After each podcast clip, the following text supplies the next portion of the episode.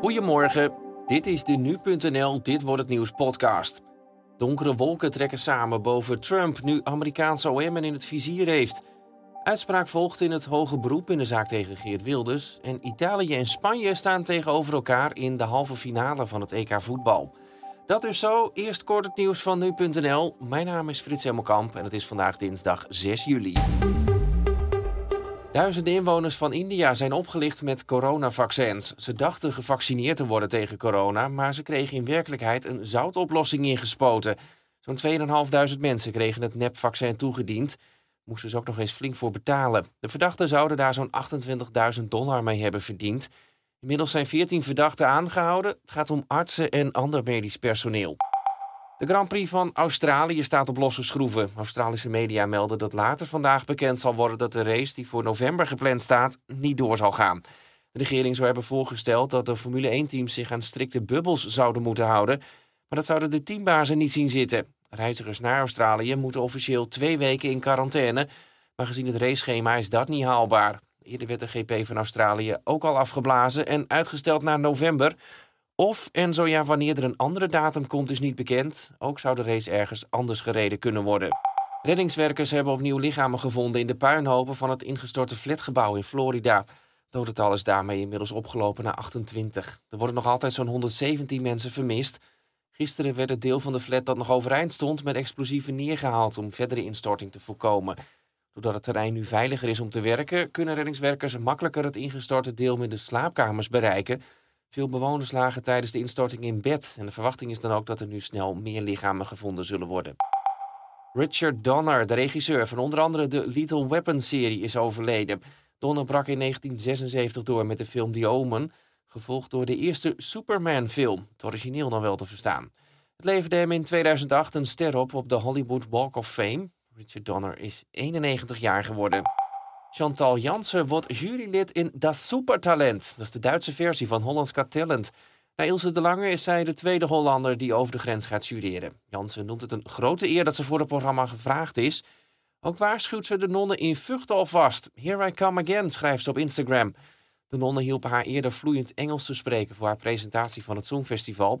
Het is trouwens geen onbekend terrein voor Chantal Jansen. Eerder presenteren ze ook al de Duitse versie van The Voice Kids. Donald Trump is dan weliswaar geen president meer. Hij is nog genoeg in het nieuws. Aanklagers in de VS hebben hun zinnen gezet op de voormalige president en zien nu hun kans schoon om ook door te pakken. Als donkere wolken hangt een serie aan aanklachten boven het hoofd van Trump. Collega Julian Dom belde erover met Amerika-deskundige Diederik Brink. En hij vroeg hem of dit vooral een probleem voor Donald Trump zelf is of zijn bedrijf, de Trump Organization. Wat de aanklagers in New York hebben gedaan is, die zijn rustig de zaak tegen Trump rustig aan het afpellen. Dus dat betekent, ze zijn eerst naar de Chief Financial Officer van de Trump-organisatie gegaan. Dus Alan Weisselberg. Daar zijn ze eerst naartoe gegaan. Die hebben ze nu aangeklaagd voor een aantal zaken van belastingontduiking. Vervolgens hopen ze door maximale druk op hem te zetten dat hij met hun mee wil werken en belastende verklaringen richting de organisatie en richting Trump zelf wil afleggen. Dus wat dit eerst is, aanklagers laten zich zelden in de kaart kijken. Dus ze hebben lang niet alles wat ze binnen hebben aan, aan bewijsmateriaal of andere zaken, hebben ze lang niet allemaal bekendgemaakt. Ze hebben gewoon gezegd: wie kunnen we in de buurt van Trump nu pakken? onder druk zetten en kijken of die met ons mee wil werken om nog meer uh, een zaak tegen Trump op, zelf op te kunnen bouwen. Ja, want zoals je zegt, het wordt dus afgepeld, oftewel middelpunt, het punt van belangstelling, dat zal Donald Trump zelf zijn uiteindelijk. Ja, het is een familiebedrijf, dus je komt al snel bij Trump zelf uit. Het kan ook zijn dat uh, je bij zijn zoons en andere familieleden uitkomt. Want het was altijd bekend dat voor zijn presidentschap, ook met zijn dochter, maar ook nu nog zijn zoons betrokken zijn bij het bedrijf, dat ook hen iets te verwijten valt. er zijn al eerder rechtszaken geweest waar ook die zoons bij betrokken zijn geweest. En dat ging dan over, over geld voor goede doelen, et cetera.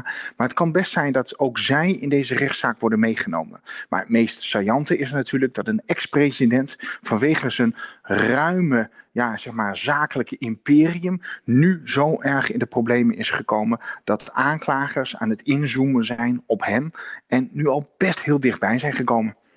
Misschien vraag ik een beetje naar de bekende weg hoor. Want we hebben Trump natuurlijk als president gezien. We kennen hem daarvoor als televisiepersoonlijkheid. Maar hoe reageert hij zelf op deze aanklachten? Eh, dat is wel heel erg opmerkelijk. Aan de ene kant heeft hij gezegd hè, dat dit natuurlijk een, een, politieke aanval is. Dat dit de democraten zijn die nu denken dat ze achter hem aan kunnen komen. Tegelijkertijd hebben hij en zijn zoon ook tijdens interviews en politieke bijeenkomsten ook verklaringen afgegeven die, nou ja, waar zijn advocaat misschien kromme tenen van zou krijgen, is dat hij zegt, ja, het gaat hier om dat je misschien niet een auto of een appartement of het collegegeld van je kleinkinderen bij de belasting opgeeft. Maar ja, in, in onze wereld, wie doet dat nou? Met andere woorden, hij lijkt een beetje een aantal van de zaken die nu voorliggen te hebben toegegeven. Dus als ik zijn advocaat was, zou ik zeggen: kaken op elkaar, geen woord meer, want dit kan tegen je worden gebruikt. Dus het bijzondere is dat in zijn manier om dit te verdedigen, en dat hebben we vaker gezien bij Trump, door als hij in de moeilijkheden komt, eigenlijk wat hij dan doet is uh, in de openbaarheid toegeven dat het gebeurt, het daarmee proberen te normaliseren, dat mensen denken, ja, god, hoe gek is dat nou eigenlijk, waar hebben we het nou over, in de hoop dat je daarmee niet uh, het, dat het niet als een verrassing op je af kan komen. Echter, dit keer lijken de aanklagers vastberaden om door te zetten. Dus misschien dat dit keer zijn publieke uh, bekentenissen in de rechtszaak tegen hem gebruikt zullen worden. Ja, oftewel dat normaliseren, daar gaat hij niet mee wegkomen dan nu. Wat voor effect kan dat hebben op zijn nou ja, wens, redelijk voorzichtig uitgesproken wens om wederom president van de VS te worden in 2024? Politiek kan het best nog wel eens heel goed uitpakken. Hij kan namelijk het verhaal ophangen. Kijk, hoe de politieke elite, hè, die mij al jaren tegenwerkte. En ook toen ik president was, hè, het verhaal over de deep state die hem tegenwerkte. Die de vijand is van de doorsnee Amerikaan. Hoe ze nu achter hem en zijn familie aangekomen zijn. Dit is precies wat in dat plaatje past. Van moest kijken hoe ze terug aan het slaan zijn. Ik vecht voor jullie en kijk eens hoe ze mij daarop uh, afrekenen. Tegelijkertijd is het ook zo dat door nu dat hij uh, dus in grote problemen komt, dat justitie verder op het inzoomen is op hem en zijn bedrijf, dat daardoor zijn geldschieters veel terughoudender zijn. Bekend is dat hij binnenkort, volgend jaar al, bepaalde grote leningen terug moet betalen.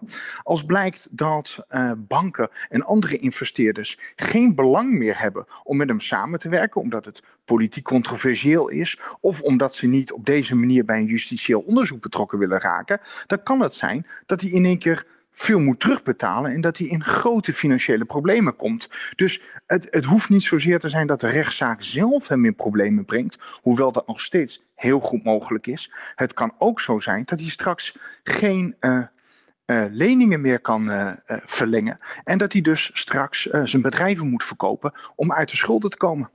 Wordt hij eigenlijk dus financieel een soort persona non grata? Nou, het, het, het kan best zijn dat hij in de publieke opinie het hè, best goed doet. Hè. Voor zijn achterban is dit natuurlijk weer koren op de molen. Maar tegelijkertijd kan het best zijn, inderdaad, dat financieel hij dit helemaal niet meer rond kan breien nogmaals, het is allemaal nu speculeren. Hè. We zijn echt aan het kijken van met de weinige informatie die naar buiten druppelt. Er is nu een grand jury geweest. Die hebben gezegd van nou, je kunt die Ellen Weisselberg kun je dus uh, uh, kun je aanklagen. Nou, prima, daar gaan ze dus op inzoomen. Maar laten we wel even kijken hoe vervolgens dit zich verder eh, ontwikkelt. De aanklager die heeft dit voor ogen, die pelt langzaam maar zeker de lage weg. Als we over tijdsbestekken praten, als je een schatting zou moeten maken, waar moeten we dan aan denken voordat we bij Trump terechtkomen? Dat, uh, dat kan best wel even duren. Dit zijn geen rechtszaken waarin je binnen een paar weken uh, hele grote gebeurtenissen hebt. Dus wat, wat, wat hè, aanklagers hebben de tijd. Dus die gaan rustig door met het opbouwen van hun zaak. Bekend is ook bijvoorbeeld dat de aanklagers in New York bepaalde specialisten op het gebied van belastingrecht en speciale soorten fraude hebben in hun team hebben opgenomen. Dat geeft dus aan dat in welke hoek ze aan het zoeken zijn. We weten ook dat hè, de voormalige advocaat van Trump en anderen al hebben meegewerkt en documenten hebben overhandigd. Er zijn ook huiszoekingen geweest. Um, vervolgens weten we nu dat ze het aanpakken via de CFO van Trump-organisatie. Het kan best wel even duren voordat die CEO zegt van joh, ik kies eigen voor mijn geld en werk met de aanklagers mee. Of dat hij toch denkt, het is belangrijker om bij Trump, uh, Trump loyaal te blijven. Dus ik werk niet mee. Dus dat zijn allemaal factoren waar we nu niet weten hoe het uitgaat. Je kunt er donder op zeggen dat als de aanklagers geen sterke hand hebben, dat ze niet spelen. Dat was Amerika-deskundige Diederik Brink in gesprek met collega Julien Dom.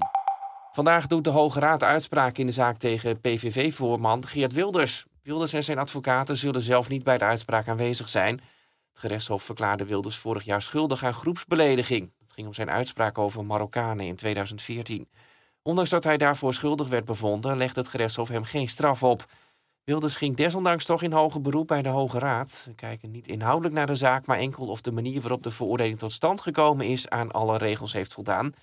Tegen deze uitspraak is geen beroep meer mogelijk. Rond half één vanmiddag wordt de uitspraak verwacht. Italië en Spanje dan, die staan vanavond tegenover elkaar. Dat gebeurt op Wembley in Londen bij de halve finale van het EK voetbal.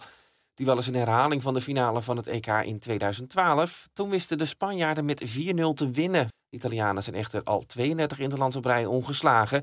De aftrap is om 9 uur vanavond. Het is niet de enige sport trouwens. Na de rustdag in de Tour is het vandaag tijd voor de tiende etappe. Sprinters die kunnen daarin opnieuw een kans grijpen. Al moeten ze dan wel een stevige klim trotseren. En dan het weerbericht van Weerplaza. Goedemorgen. De dag begint op de meeste plaatsen met veel bewolking en hier en daar valt er ook nog wat regen. Vanuit het zuidwesten wordt het geleidelijk aan wel droger en komen er ook opklaringen. Vanmiddag kunnen we zelfs spreken hier en daar van zonnige perioden. In de loop van de middag kan er nog wel een enkele bui vallen in het binnenland.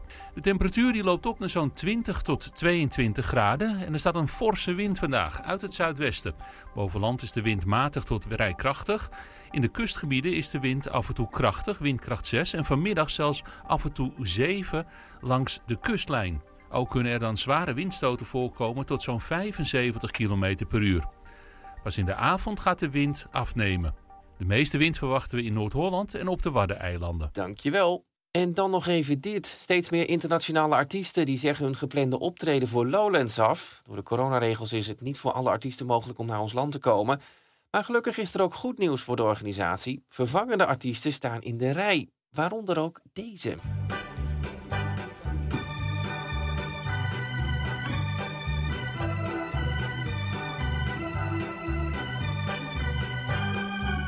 Nou, misschien heb je het wel herkend. Het is het orgelspel van Orgel Joker uit Vlaardingen. De vrouw die in één klap wereldberoemd werd nadat ze een filmpje van haar orgelspel op Instagram postte. Joke zegt er al helemaal klaar voor te zijn en zelfs haar orgel al te hebben ingepakt. Nou, dit was hem weer, de Dit Wordt Het Nieuws podcast voor deze dinsdagochtend, de 6 juli. Tips of feedback die zijn altijd welkom. Die kan je sturen naar podcast.nu.nl. Mijn naam is Frits Hemelkamp. Vanmiddag weer een nieuwe podcast op nu.nl met daarin het nieuws van de dag. Voor nu alvast een mooie dag gewenst.